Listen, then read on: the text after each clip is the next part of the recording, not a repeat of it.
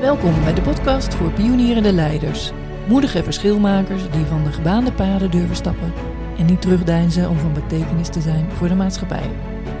Luister naar dit programma vol verdieping, inspiratie en concrete tips om te floreren in jouw missie als veranderaar.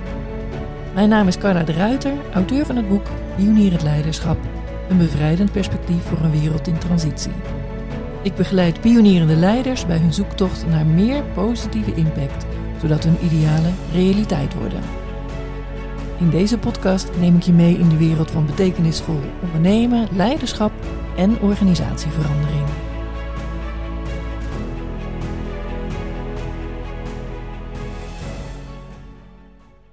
In deze aflevering gaan we het hebben over chaos. Komt er een eind aan? Regelmatig hoor je nu natuurlijk om je heen, ook zeker naar de verkiezingsuitslag, dat er grote chaos is. Mensen verzetten zich. Uh, nou, misschien ken je dat ook wel zelf. Dat je denkt, nou, welke kant gaat het op? Ik spreek regelmatig mensen die uh, nu ook zeggen van, nou, ik heb gewoon een heel negatief beeld over hoe de toekomst eruit gaat zien. En heb jij dat ook? En die vraag wordt mij dan gesteld. En mijn antwoord zal zijn: nee, eigenlijk niet. Wel dat ik zie dat er van alles aan de hand is en het lijkt in een stroomversnelling te gebeuren. Maar ik vind wel het goede nieuws dat dit betekent dat daar ook een eind aan komt. En dat leg ik je uit. Misschien ken je wel de uitspraak van Jan Rotmans, hoogleraar transitiekunde. En hij zegt: We zitten niet in een tijdperk van verandering, maar we veranderen van tijdperk. En dat is een hele belangrijke uitspraak, omdat dat klopt. Het is namelijk zo als je in een chaos verkeert als land, als wereld, want op dat niveau daar hebben we het ook over, dan denken we vaak dat het eind, dat, dat letterlijk, letterlijk en figuurlijk het eind van de wereld is. Hè? Maar dat is bij lange na niet zo. Sterker nog, vanuit chaos ontstaat er altijd iets nieuws. Vanuit chaos wordt het nieuwe ook als het ware geboren. En daar is een heel mooi woord voor, dat heet emergentie. Ik weet niet of je daar ooit van gehoord hebt. In Nederland gebruiken we het namelijk bijna nooit. In Amerika, emergence is een hele normale term. Dus daar zijn ze daar veel meer van op de hoogte. Ja, wat, wat betekent dat nou? als er ergens een crisis is, is er sowieso altijd een chaos. dat doet iets met de structuur van dat moment. Uh, het ontwricht namelijk de bestaande structuur. Nou, kijk dan heel makkelijk even naar de politiek. Daar gebeurt nu van alles. Mensen komen in opstand. De politiek denkt: dit hebben we nog nooit meegemaakt. Um, mensen gaan demonstreren. Er wordt gekeken, ja, is er nou wel of niet gefraudeerd? Het is in ieder geval een tijd waarin er heel veel boven water zal komen. Tegelijk, tegelijkertijd komen er dus ook oplossingen die helemaal vanuit het niets lijken te komen. En dan hebben we het over emergentie. Er ontstaan letterlijk en figuurlijk nieuwe wegen om te gaan bewandelen. Misschien ken je nog uh, het verhaal over die IJslandse bank. Dat was in 2008, meen ik. iSafe. Die ging failliet en er was grote paniek. En dat weet ik nog heel goed, want mijn vader had mij de dag ervoor gezegd: hey, als je nu een spaarrekening wil waar je heel veel rendement uithaalt, dan moet je eens denken aan iSafe. En hij, hij had daar een behoorlijk deel van zijn vermogen in uh, belegd. Maar ik dacht, nou, ik doe het niet. En de volgende dag was iSafe failliet. Nou had mijn vader trouwens een heel goed, uh, goede intuïtie op dat moment, want hij is midden in de nacht, heeft hij zich bedacht en heeft toch alles weer op een Nederlandse bank geparkeerd. Dus dat was goed gegaan. Uh, maar waarom noem ik dit voorbeeld? Nou, die, je moet je voorstellen dat dus heel veel klanten hun spaargeld kwijt waren. Uh, in één klap vanuit het niets. En ondanks dat dat hele grote impact had op IJsland en haar inwoners, kwamen er allerlei oplossingen vanuit de inwoners zelf. Die kwamen naar voren. En uiteindelijk zijn, uh, is er heel veel gedaan met die aangedragen oplossingen. En ze hebben een heel nieuw financieel systeem opgezet. En daarmee werd uiteindelijk hun financiële beleid gezond gemaakt. En dat is in een hele korte, relatief korte tijd geregeld en voor elkaar gebrouwen. Dus dat is heel knap, maar dat is wat wij als mens doen. Um, nou, als het ware worden de omstandigheden gecreëerd. Zie het maar als een soort snelkookpan waarin je als je onder druk staat meteen uh, nieuwe uitkomsten kunt krijgen. Je ziet dat ook heel mooi als er bijvoorbeeld een natuurramp plaatsvindt. Dan komt het beste in mensen naar boven. En je denkt vaak, nee, dan wordt er geplunderd. Nou, dat zijn eigenlijk allemaal theorieën die eigenlijk niet eens zo in, het, uh, in, het meeste geval, in de meeste gevallen uitkomen. Sterker nog, mensen willen elkaar helpen. De, de overstromingen in Zuid-Limburg, dat is, staat ons waarschijnlijk ook nog allemaal op het netvlies. Daarin was niet de, de overheid die te hulp schoot, ja, met 1000 euro per persoon. Hè. Maar dat waren de inwoners, de omwonenden, die anderen te hulp hebben geschoten. Dus er ontstaat vindingrijkheid, er, uh, ja, mensen doen een, een beroep op elkaars hulpvaardigheid. En vergeet niet dat onze menselijke aard is om elkaar te helpen. En we zijn als mens in de loop der tijd steeds verder weggeraakt van onze ware natuur en onze plek in de natuur. Machines hebben dat uiteindelijk van ons overgenomen. En onze focus op materie, consumentisme en individualisme hebben ons daar steeds ja, verder van af doen staan. Dus daarbij zijn we, of daardoor zijn we mede uit het oog verloren dat de natuur zichzelf eigenlijk kan regelen. En dus dat de natuur ook alle oplossingen in zich draagt. Nou, dus als het dan gaat over maatschappelijke problemen en daar, dat we daar iets op moeten verzinnen, dan zoeken we het te vaak nog in allerlei bureaucratische ja, manieren. En die lopen naar mijn idee altijd dood. Ze zijn vanuit een, uh, ja, we noemen dat een lineair proces ontstaan. En passen helemaal niet meer bij onze huidige tijd. Dus het gaat niet over, ik, ik ga van A naar B en als ik dan een oplossing vind, uh, dan gaat dat heel makkelijk. Nee, het gaat er echt over dat je rekening kunt gaan houden met wanneer er chaos is, wanneer je bijna denkt het is nu verloren, dat er dan altijd nieuwe oplossingen komen die je niet eens had voorzien. Soms is dat dat er ineens een uitvinding wordt gedaan. Soms is dat ja, dat je veel dieper kunt zien wat er daadwerkelijk ergens aan de hand is. En in het geval van in ons land heb ik nu al vaker gezegd, nou, misschien is er wel eerst iets wilders nog nodig voor we überhaupt voor een betere oplossing komen te staan. En wat kan je daar nou zelf aan doen? want mijn overtuiging is dat niet een politiek, uh, dat ook niet een directie hoog in de top zorgt voor die maatschappelijke verschuivingen. In mijn idee ligt dat bij jou en mij, ligt dat bij de mensen van onderaf. Die zorgen voor een daadwerkelijke verschuiving. Wat we in de loop der eeuwen vergeten zijn, is dat wij als het ware scheppende mensen zijn. Ik meen dat ik dat ook in mijn boek heb geschreven, dat ons uiteindelijke doel is om te creëren, om creativiteit tentoon te, te spreiden. En dus ook echt de verwijzing naar dat scheppende in onszelf. We hebben een kracht die ons kan bewegen. Uh, niet alleen op het fysieke niveau, maar ook op het mentale niveau. En uiteindelijk ook op het bewustzijnsniveau. En dat zal ik je verder uitleggen. Want we hebben veel meer uh, ja, capaciteiten dan we eigenlijk denken. Maar eigenlijk niemand weet hoe dat nou zit en waarom, dat, uh, waarom we dat niet meer tot onze beschikking hebben. Althans, niet bewust. Daarvoor ga ik naar drie niveaus van eros, met een heel mooi woord. Niet de eros van de seksualiteit, maar de eros die de creatieve kracht in zich heeft. De eerste, het eerste niveau is het fysieke niveau, waarin seksualiteit een belangrijke is. Dat is de kracht van de erotiek. We hebben een hele basale kracht in ons. Die zorgt voor de, ja, uiteraard voor de voortplanting. Maar heeft ook een wildheid in zich en een gevoel van, nou, nu moet er per se iets gaan gebeuren. En uiteindelijk als mens hebben we die kracht meer, veel meer in balans weten te brengen. Ga je nog weer verder doorontwikkelen, dan ontdek je dat er ook een dringende wens is om te creëren. En dat noemen we ook een onderdeel van die creatieve kracht.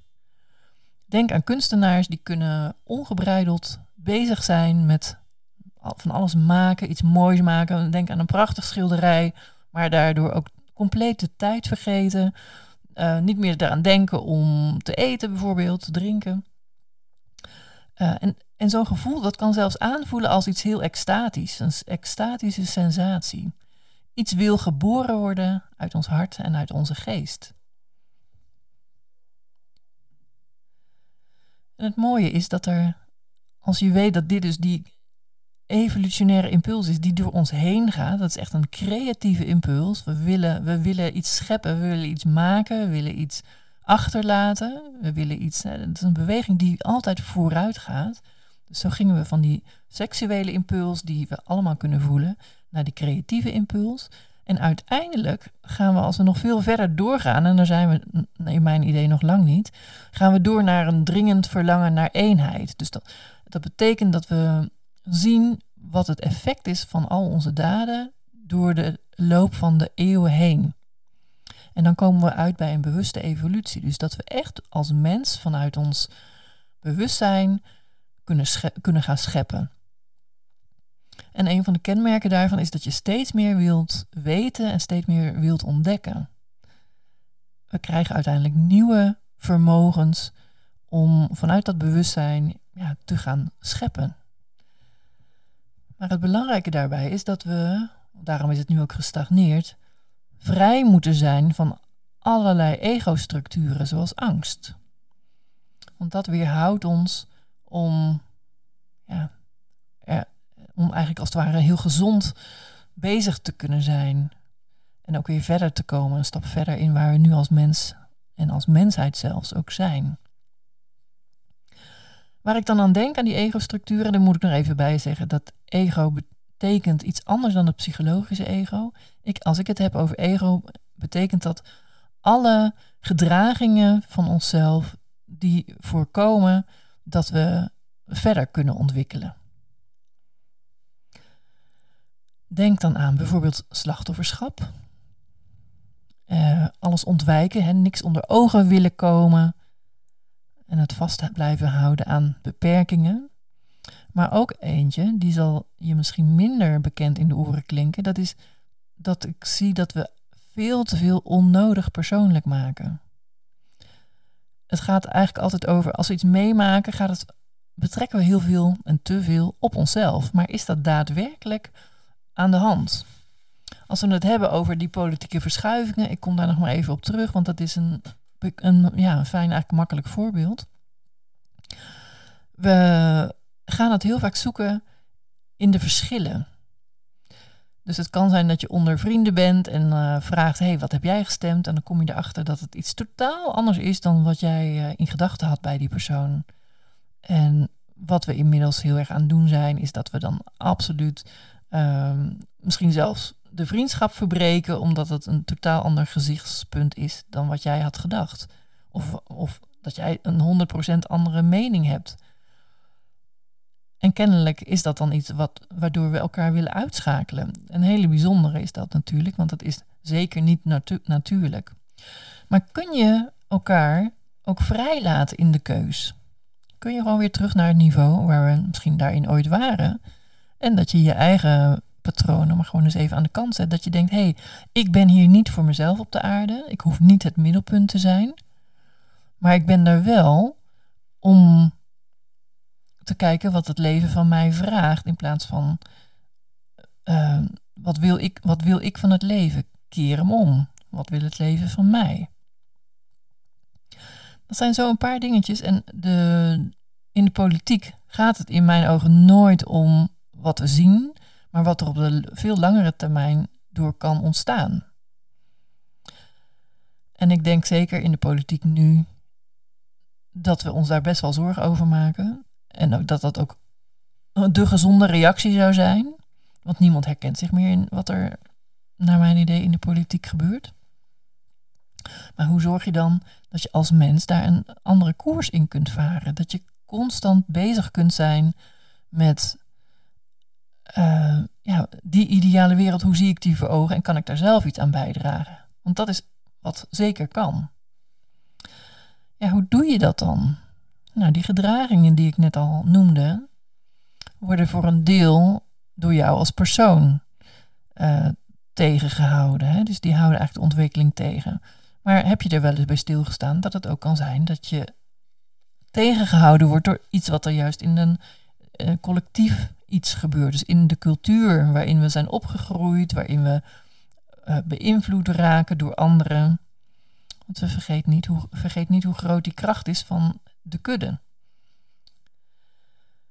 Er zijn een aantal collectieve patronen die je daarin tegenkomt, namelijk hè, wat ik net al noemde, de polariteit, de dualiteit, het tegenover elkaar gaan staan. Dat is niet iets om, omdat jij iets vindt en de ander iets vindt en dat tegengesteld aan elkaar is. Nee, dat is omdat we altijd bij een groep willen horen, ons aansluiten bij de ene kant of de andere kant. En we dat de afgelopen jaren heel sterk hebben zien gebeuren, ook in de media. Kies een kant, anders hoor je er niet bij en word je uitgesloten. Als het ware doet dat een heel, heel diep oud beroep op ons. Een oud verlangen om ergens bij te horen, maar ook kan het zelfs doodsangsten oproepen. We waren ooit die, uh, die persoon die uitgesloten werd of uitgestoten werd uit een stam. Dus dat gaat heel. En het was destijds zo dat je afhankelijk was. Je overleefde alleen maar als je met elkaar samen je kon aanpassen en de wereld kon veroveren in je eigen kleine omgeving. Werd je uitgestoten uit de groep, dan betekende dat automatisch dat je dat niet zou overleven. Dus die groep, dat noem ik de, de groep die zo van belang is geweest altijd voor jou, zorgt er nu voor dat we onszelf tegen kunnen werken. En dat vatten we allemaal heel persoonlijk op. Dus als je uitgesloten wordt of uitgestoten, dan denk je dat het aan jou ligt. Dan heb jij een probleem. Maar misschien is het wel zo dat dat helemaal niet jouw probleem is, maar een collectief probleem. Nou, dat is even heel in het kort wat ik daarmee wil zeggen. En ook vervolgens, wat kun je daarmee doen? Als je kijkt naar de toekomst, zorgt die chaos er dan uiteindelijk echt wel voor dat er iets nieuws kan gaan ontstaan. Ja, en je kunt dat sturen in de zin van dat je weet, als je die creatieve impuls, zo, hè, die dat door jou heen komt, als je die afkapt, dan weet je zeker dat, het, nou, dat je ook zelf zal stagneren. Nou, hoe kun je die weer opwekken? Nou, door precies het tegenovergestelde te doen als wat het blokkeert. Dus in het ene geval wil je niets onder ogen zien en alles vermijden. Maar in dit geval kijk je echt radicaal naar alles wat je doet en of je dat anders kunt doen. Dus je vermijdt niets meer. Op het moment dat je je slachtoffer voelt van omstandigheden, kan je ook denken: nee, ik heb altijd een keus. Je hebt nou eenmaal het principe van keuzevrijheid. Op het moment dat je ook ziet dat je altijd een heldere intentie kunt hebben voor verbetering, voor verandering, ga je ook direct uit de modus van dat je iets niet meer uh, weet. Dat je jezelf beperkt, dat je jezelf in de weg zit. Dus altijd kijken van wat ligt er dan voor me en wat kan ik daaraan doen. En vaak is daar actie gevraagd. En ik merk in mijn omgeving zelf dat er veel mensen twijfelen van ja, of zeggen nou ik kan toch niks doen. Er zijn zoveel crisissen, ik zie door de bomen het bos niet meer. Nou, en ze geven als vanzelf hun portie aan Vicky. Mag het ook anders? Gaat die politiek leider dat nu voor ons voor elkaar krijgen? Nou, dat antwoord is heel simpel: nee. Jij bent degene die leiderschap kunt tonen. En in dat pionierende leiderschap waar we nu voor staan, betekent het dat je iets gaat doen wat nog niet eerder is gebeurd. En dat is reuze spannend. En dat kan zijn dat je ondernemer bent en dat je denkt, nou weet je, ik heb een oplossing voor probleem X en ik ga daarmee aan de slag. En dat kan een oplossing zijn die veel meer uh, ja, vraagt van je omgeving. Het kan zijn dat je denkt, hé, hey, ik heb nu iets uitgevonden wat helpt aan een maatschappelijk probleem om dat op te lossen. Zo kan er van alles zijn. Of het kan heel dicht in jouw eigen omgeving zijn dat je een helpende hand biedt aan een buurman of een buurvrouw. Het, het gaat vaak over die hele kleine dingen die uiteindelijk als een soort rimpeleffect doorgaan. Wat ik zelf wat merk als ik naar de tv kijk, wat ik niet meer zo vaak doe, misschien één keer in de maand, is dat er zoveel ellende op ons afkomt. We zien de hele dag door als we willen, zien we alleen maar ellende, zien we oorlog, zien we dat er heel veel geld over de balk gesmeten wordt en uitgegeven wordt aan doelen waarvan je denkt, nou, daar kan ik helemaal niet achter staan. Dus, die, dus de verdeeldheid wordt steeds groter en de oplossingen komen niet. En nog steeds zijn er heel veel mensen die echt denken dat een politieke leider dat op gaat lossen. Omdat ze denken dat ze zelf te klein zijn. Hoe zou het zijn als je dat omkeert? Als je zegt, nou, we zijn met een heleboel mensen en samen zetten we de schouders eronder. Denk aan zo'n natuurramp waarbij heel veel mensen de schouders eronder hebben gezet en sneller te hulp kunnen schieten. Denk aan het voorbeeld van IJsland, van de iSafe Bank. Mensen zijn in staat om te komen met oplossingen waar je zelf in je eentje nog niet eens bij stilgestaan hebt. Dus mijn oplossing zou zijn: zoek elkaar op. Vertrouw in de menselijke aard en die is altijd vrijgevig. Wat de, media ook zegt, wat een politiek ook zegt, wat iemand anders ook zegt. En vaak gaat het over dat je geen vertrouwen meer hebt in een regering, uh, dat je geen vertrouwen meer hebt in je vrienden die je afgewezen hebben. Maar het vertrouwen zit nog altijd in jou. Zie dat als een soort vonkje wat er altijd is. En soms staat het op de waakstand en soms ook niet. Soms kan het een groot brandend vuur worden. Dus mijn oproep aan jou, zorg dat dat vuurtje weer gaat branden en dat je die impuls die je in jezelf kunt voelen, laat die extatisch worden. Dat je voelt van wow, nu heb ik echt iets in handen wat ik vorm kan geven, wat ik kan doen. Nu voel ik dat ik een missie heb. Nu voel ik dat ik een visie kan naleven. En het hoeft echt niet zo te zijn dat iedereen dat hoeft te doen. Maar zoek elkaar op. Help elkaar daarmee. En kijk of je een cultuur met elkaar kunt ontwikkelen waarin ja, je gelijkgestemde tegenkomt. Het mooie van emergentie, wat ik al even noemde, het, het kan plotseling opstaan. Het kan er ineens zijn. De val van de muur in Berlijn is plotseling gekomen. Niemand zag dat aankomen. En zo kan het ook met kleinere dingen. Als een wereld in brand lijkt te staan, poppen er ineens allerlei, op verschillende plekken, allerlei oplossingen op. Mensen die opstaan, mensen met goede ideeën, mensen die nou, het niet meer pikken dat het gaat zoals het gaat, maar denken dan toch uit zichzelf, nou, maar ik kan wel iets bijdragen. En zo wordt dat uiteindelijk één grote olievlek. In mijn ogen ontstaat er daardoor ook steeds meer bewustzijn. Vanmorgen zei iemand nog tegen mij, nou, ik denk dat er nog maar 30% is van mensen die de wereld anders willen zien. En die er nu nog steeds, hè, en 70% die de wereld nog ziet van, nou, is allemaal prima. Ja, ik, ik kom allerlei mensen tegen met allerlei overtuigingen. Maar eigenlijk maakt dat niet zoveel uit.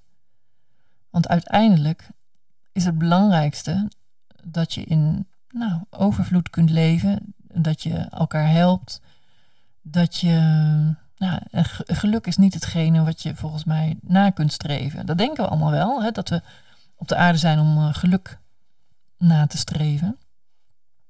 Maar ga bij jezelf na. Is dat het allerhoogste wat er kan zijn?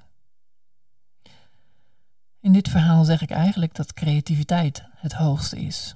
Wij zijn tot zoveel meer in staat dan we uiteindelijk denken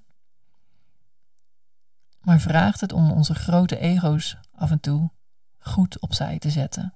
Want dan komt er pas echt weer ruimte voor onze oorspronkelijke scheppingskracht en de wereld zo mooi te kleuren zoals we nog nooit eerder hebben gedaan. Dankjewel voor het luisteren. Wil je op de hoogte blijven en er geen aflevering missen? Abonneer je dan op deze podcast en laat een review achter. Heb je mijn boek Pionier het Leiderschap al gelezen?